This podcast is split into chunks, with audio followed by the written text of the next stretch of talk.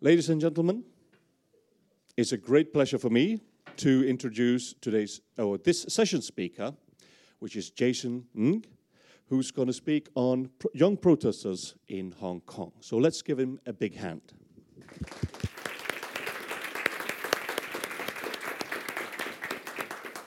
Hi, everybody. Thank you so much for being here. How many of you were at the panel last night when we talked about what's happening in Hong Kong? Okay, so a few of you, that's great. Thank you for coming again. If some of the material overlaps a little bit, do forgive me. Uh, but I would try to sort of uh, be mindful of that and, and, and feed you new material. Um, But for those who weren't here last night, it was a wonderful panel, not because of myself, but because of the audience involvement. The Q&A session was excellent. There was so much interest in Hong Kong, which really warmed my heart.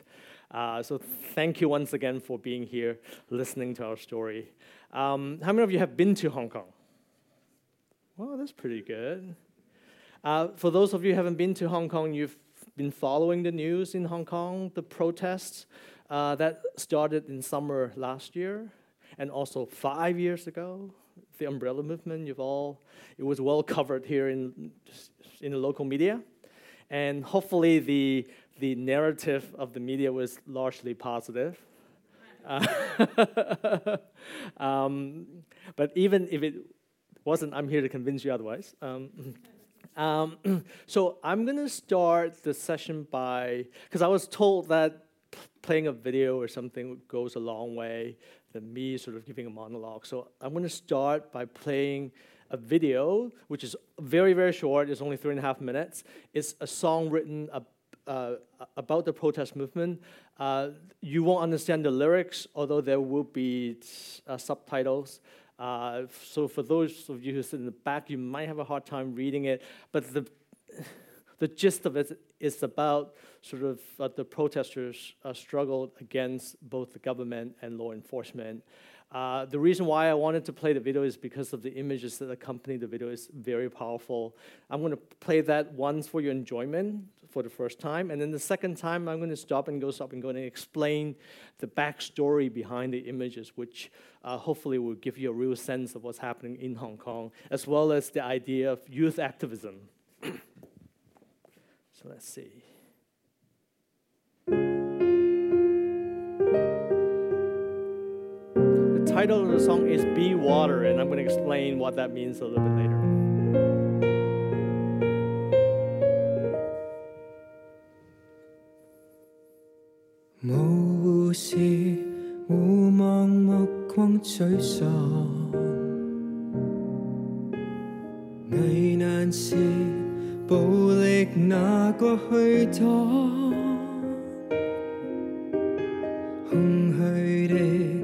或絕望，擔心的或對抗，那是那人那物那種釋放，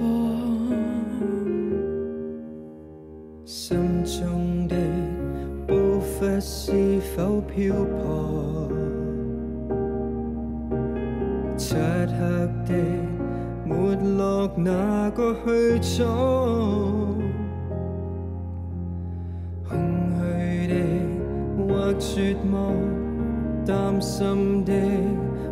對抗，那是那人那物那種釋放，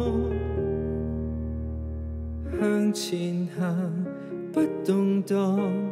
自由達到那一方，花開鋪滿這地，為你护航。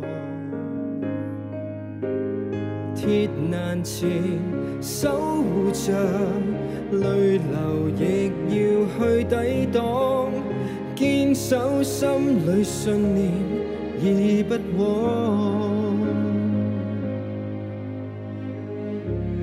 我觉得好尴尬，嗰刻我好想喊，但系我要揸实自己嘅拳头，话俾自己听，我唔可以喺佢哋面前喊，因为喊就等于输咗。大訴求，缺一不可，唱着诗歌，機艙廣播，時代革命光复。香港。我們撐着，丝丝緊扣，而是不是緊握雙手，香港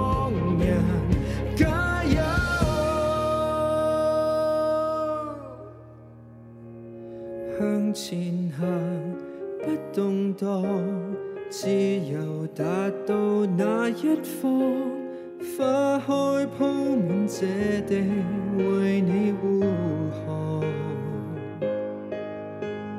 鐵欄前守護着，淚流亦要去抵擋，堅守心里信念，已不枉。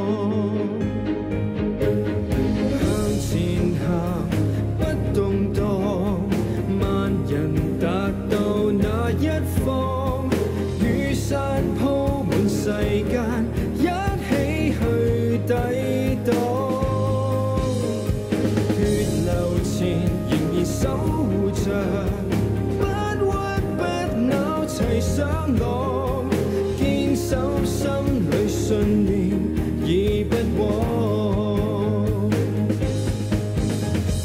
堅守心裏價值的向往。願有天鋪底口罩脱下來，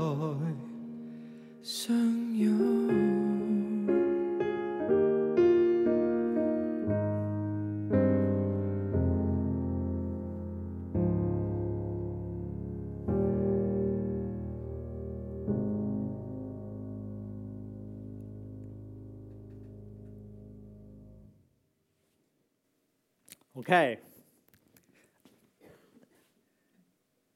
Now, I'm going to play the video again, and this time I'm going to explain the backstory behind the images. But even without the explanation, you can feel the power. I mean, isn't it? I mean, I, I, I've watched this video maybe a thousand and forty-five times, and I still get choked up every time I watch it uh, because each image really evokes a specific episode or a specific incident that carries a lot of meaning. All right, so, the opening scene.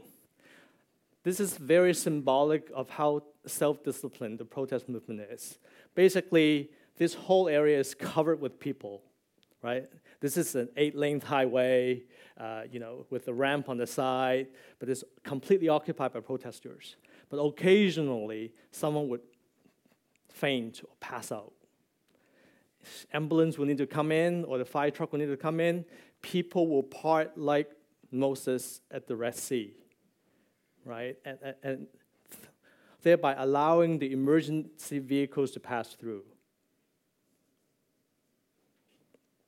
And the moment the vehicle is gone, people started to fill up that space, right?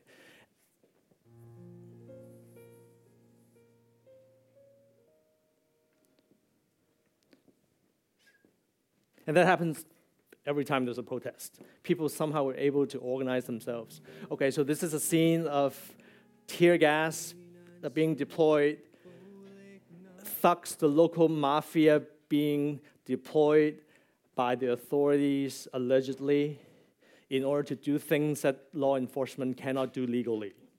Right? So this is a very famous scene um, on the subway train. And this is yet another scene. Um, hang on. This is a famous scene that took place in July when thugs swarmed the MTR, our metro station, got into the train and started to beat up protesters and passengers indiscriminately. The idea is to intimidate protesters so that they won't come back out on the streets. And the reason why the creator of the video put the next scene immediately after is because this incident happened a few weeks later when the riot police basically did the same thing. They did it to sort of show you that actually law enforcement, what law enforcement are supposedly doing legally, isn't all that different from what the thugs are doing illegally. so here you can see riot police beating up protesters and passengers indiscriminately, and passengers have nothing except for umbrellas to defend themselves. And then moving on to the next scene, this is uh, a famous uh, footage of a, a, mother pleading with riot police not to beat up the kids. Um, and obviously, uh, she was ignored and pushed to the side, but the video went absolutely viral.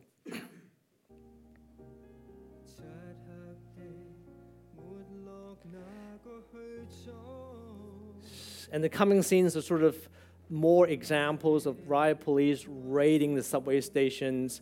Because subway station is a very um, critical part of the protest because people have to take public transport to go to different parts of the city to protest. So public transport is often viewed as aiding and abetting the protest movement. Uh, and th the second element with public transport is that it is underground and it is completely enclosed. So it's very difficult for people to run away once the police sort of block up all the exits and started to uh, arrest protesters inside the station. And this is an example of uh, riot police pushing uh, protesters down the long escalators. and not everybody um, in Hong Kong is always on the front lines uh, facing off the police, right? Usually the people on the front lines are the young people. Why young people? Because mainly they can run fast enough.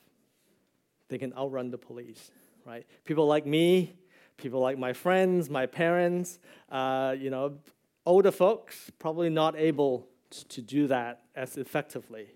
But then the rest of us, what we can do instead of being on the front lines we come out and protest uh, in sort of you know million person marches, and there has been a couple of mass uh, rallies in the month of June where we have over a million people uh, participating in the peaceful rally. and this is a picture, uh, this is an image of what we call the Lennon Wall. Back in 2014, when we had had the umbrella movement, there's one big Lennon wall in the main protest site uh, in the financial heart. Uh, the Lennon Wall was sort of a, um, a, the Hong Kong answer to the original Lennon Wall in Prague. I think some of you have been there and seen it. I've been there myself with my entire family. Um, but this time around, we decided to replicate the Lennon Wall everywhere in the city. So in any sort of a pedestrian uh, tunnels, uh, footbridges, you're going to see uh, basically pro democracy slogans or wishes being uh, scribbled on colorful uh, post it notes. And th- there are so many of them that you see layer upon layers of them. And oftentimes people put uh, see-through plastic wrap or you know a cling wrap over it uh, to protect it from moisture or rain, uh, and also from people who are uh, against the protest from removing the post-it notes.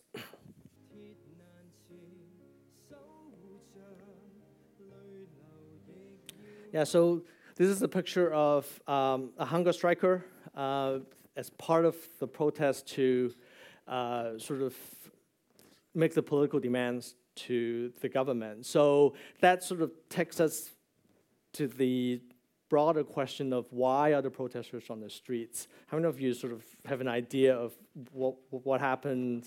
How come millions of people on the streets protesting in Hong Kong last year? Back in the back in 2014, right? Uh, the umbrella movement was all about universal suffrage, about the ability to get a a free vote in Hong Kong. But this time around, it all started with an, a highly controversial, highly unpopular extradition arrangement with uh, mainland China.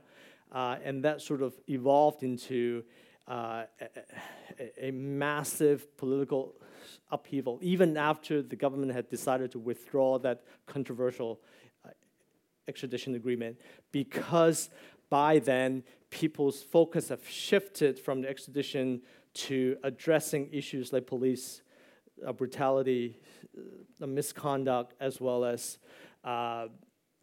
uh, you know government accountability. The main complaint about the extradition um, arrangement is not so much, well, I mean, it is about the, the fear that the arrangement will allow China to extradite people from Hong Kong uh, to stand trial on mainland China where uh, human rights records are very different. Uh, but, but another key element is that why is our own government pushing a, bill through the legislature that nobody wants in Hong Kong. So that sort of begs the bigger question of accountability. Why do we have a government that doesn't answer to its people, is pushing policies that nobody wants? And the answer goes back to the same issue back in 2014 is because we don't have a free vote to elect our leader. This leader is appointed by Beijing, and therefore that person is answerable only to Beijing, but not to the people of Hong Kong who, who, who play no part in in electing her.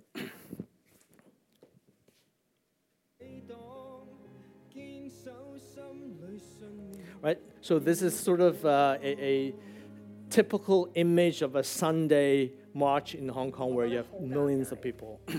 All right, so um, this girl, uh, she's a young protester. She was arrested in the summer uh, for unlawful assembly and she at the police station, she was asked to uh, take off all of her clothes by a female officer, uh, you know, to be strip searched, only to find out that uh, outside the room there were about two dozen male police officers watching her. Um, and the idea was that, uh, you know, uh, the police wanted to humiliate her uh, by putting her in a situation like that. And after the incident, she held a press conference uh, with the hand drawing of what happened and, uh, you know, explaining uh, how embarrassed she was and how she had to hold back her tears because she didn't want the police to think that they have won.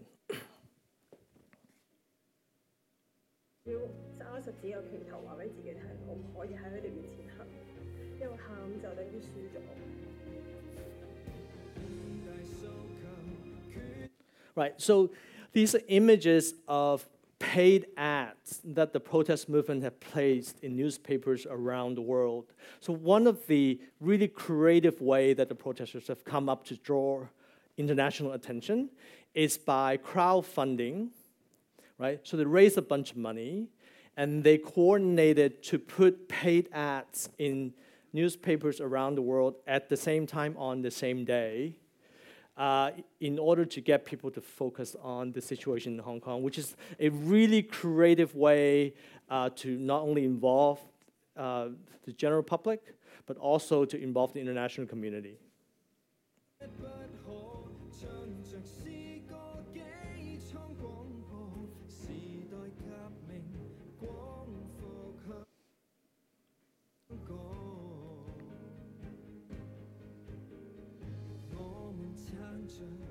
Right? And then this is an image of a human chain.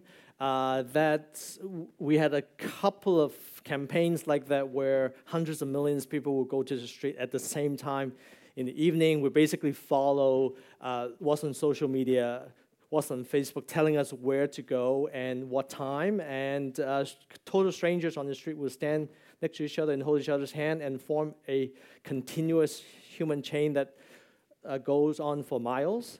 Um, again, it's, it's another example of the creativity of the protesters to draw uh, attention from the international community. That's one of the things that would get you a lot of press. You know, I mean, uh, that day I remember all of the foreign press, uh, the New York Times, CNN, Bloomberg, everybody was on the news, uh, sort of trying to capture that moment.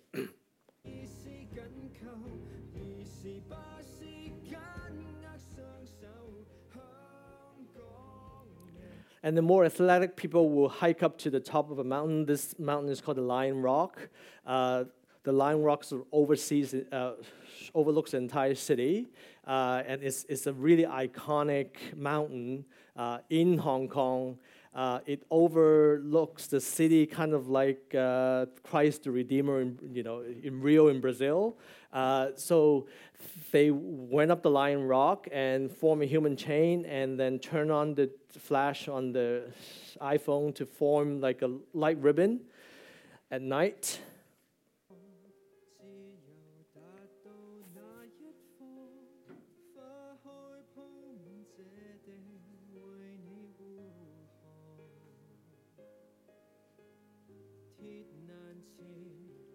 And this is a kid who's about four or five years old who uh, his parents took him there and he started ch- chanting and you know uh, uh, um, you know slogans uh, to encourage the protesters t- down there. And that sort of uh, captured how um, the movement really represented a cross section of the population. Uh, and this video once again went absolutely viral in Hong Kong.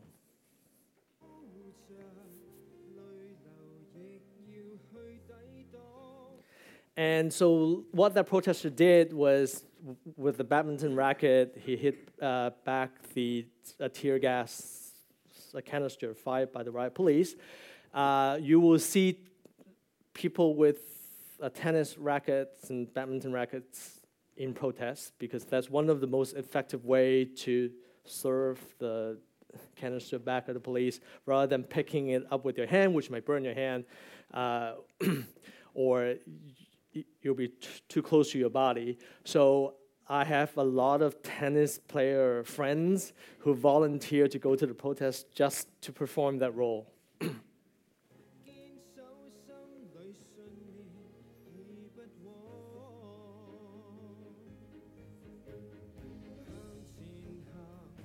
And this is a beautiful sequence, and this is not staged. This is real action. This was not done for the camera. A, real action of how a group, a, a, team of protesters, about eight of them, uh, would uh, sort of uh, put out a tear gas canister by first putting uh, a police ice cream cone over it and pouring water into the cone to extinguish the, the canister. It's so coordinated um, that they were able to extinguish the uh, tear gas in mere seconds. And that's what I mean by a million people taking to the streets. That's Victoria Park, one of our, uh, it's kind of like the Central Park of Hong Kong.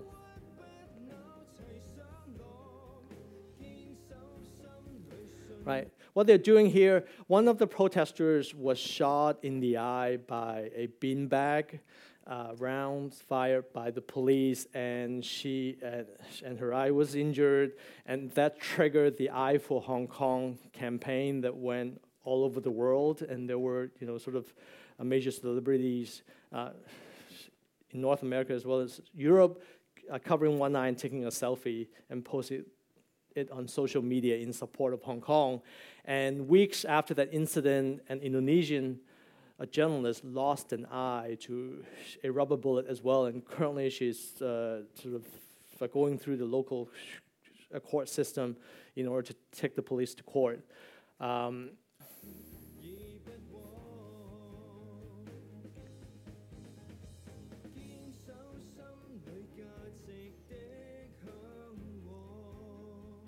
That's the Lion Rock, by the way. It's, it's, it's not the tallest mountain in Hong Kong, but it is the most iconic. And then this is also a very iconic image. Uh, is a pair of young lovers, uh, you know, wearing masks um, at the subway station, uh, maybe trying to kiss.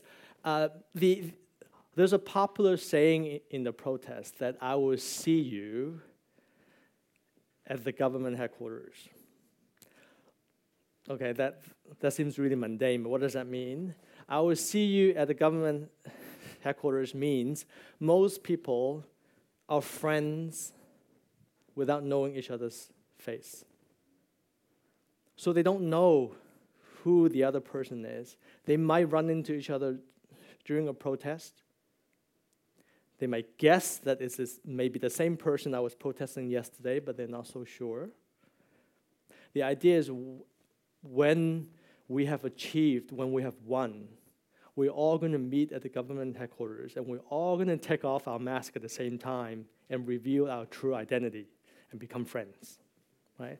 And so that image sort of captured, maybe these two people didn't even know who they were, who the other person was, right?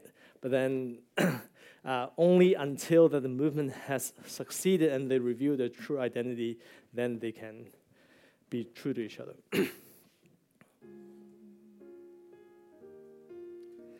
And the end frame, there is a person in the middle wearing a yellow raincoat.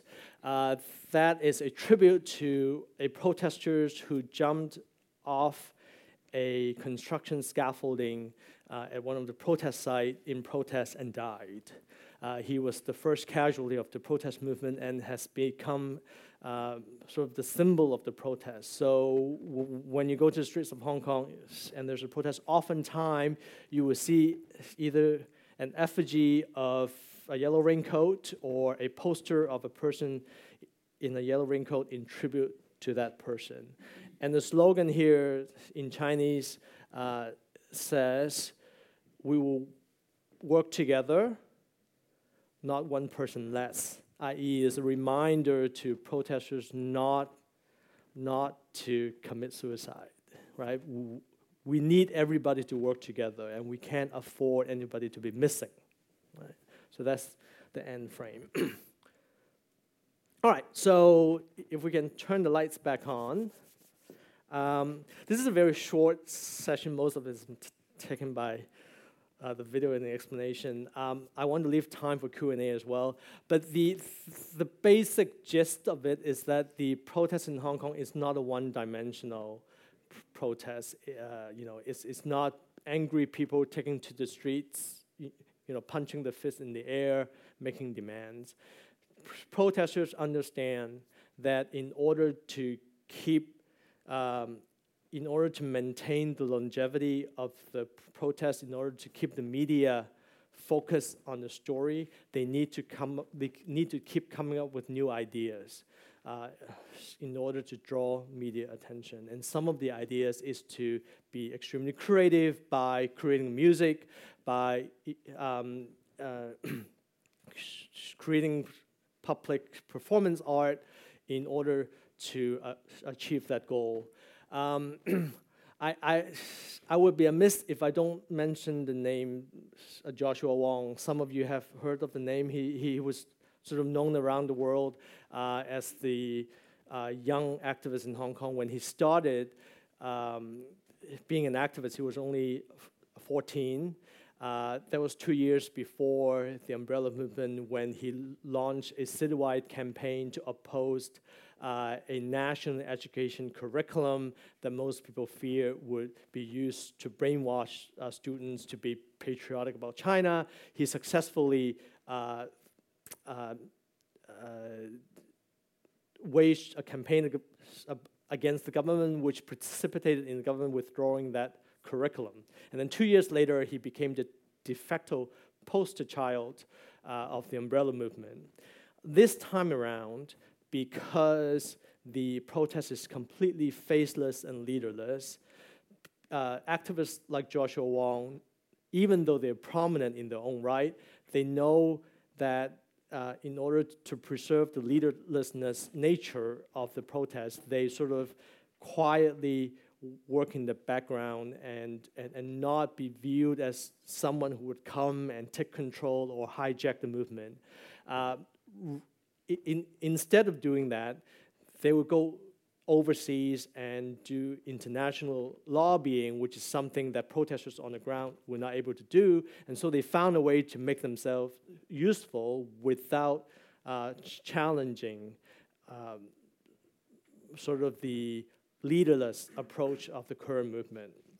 Um, Joshua has just published a memoir uh, by Penguin UK, and I had the honor and privilege of co-writing that memoir with him.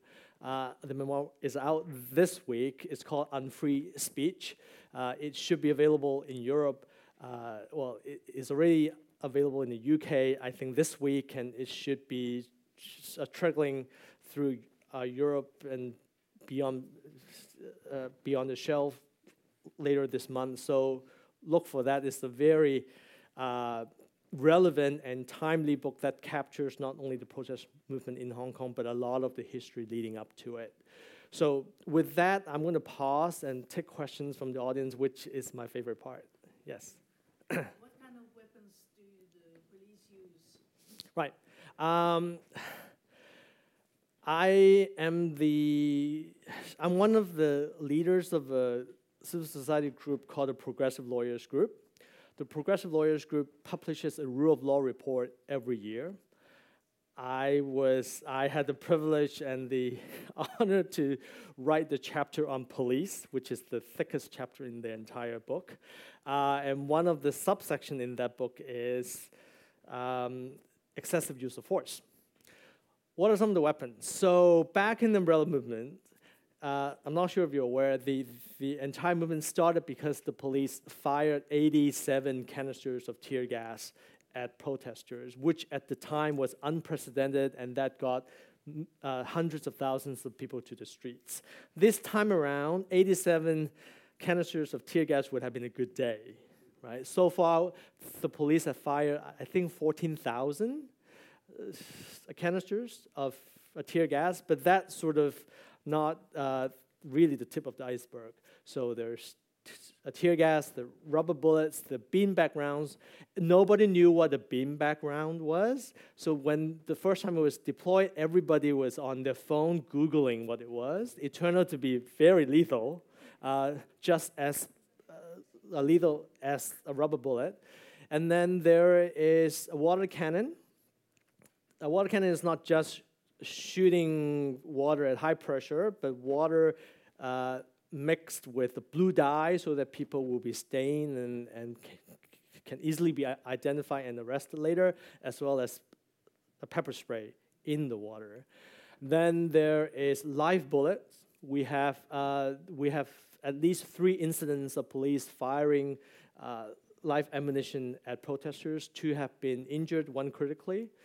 Um, so those are some of the examples of the level of uh, force that have been used uh, against protesters. There have been a lot of discussions about um, the protesters also sort of, you know, are not completely nonviolent. So you have seen images of, of petrol bombs and and and whatnot on the streets of Hong Kong, right? And and, and so one of the challenges of the movement is to, uh, because it's leaderless, is to sort of really reinforce this message of nonviolence because this is so important that in order to uh, uh, uh not to complicate the narrative overseas uh, and, not to lose international support that the protests in Hong Kong stay nonviolent. Yes. You indicated Yes. Uh, were appointed by Beijing. Yes. Uh, what is the history of that arrangement? Right, right. Um, technically, the leader isn't directly appointed by Beijing. It's selected by a small committee made up of 1,200 people, 1,200 business leaders and pro-Beijing people. So it's sort of in, indirect Beijing appointment. Uh, th that was the legacy of um, well, I mean, that arrangement is in the basic law, which is our constitution. Uh, and, and, the basic law is the product of heavy negotiation between Britain and China uh, before the handover. But the basic law also provides that, also stipulates that um, Hong Kong will eventually have universal suffrage. Now, the basic law is very vague in terms of timing. It didn't say when, but it did say that the eventual goal of, uh, of, of uh, electoral reform is for every person in Hong Kong to have a vote to elect the leader freely. So th there were a lot of uh, discussions about when that's going to be executed you know, and, and what format, and that was the crux of the discussion that precipitated the umbrella movement in 2014. Okay. Uh, I think time is out, and then there's a lot of people waiting outside. So thank you a lot. Thanks so much for your time. Um, I hope you've sort of taken some of the things that we've talked about uh, away and maybe share the story with your friends. Uh, it is really important that the, the international community continues to pay attention to Hong Kong, and so please sh- uh, share the story. Thank you so much. Thank you.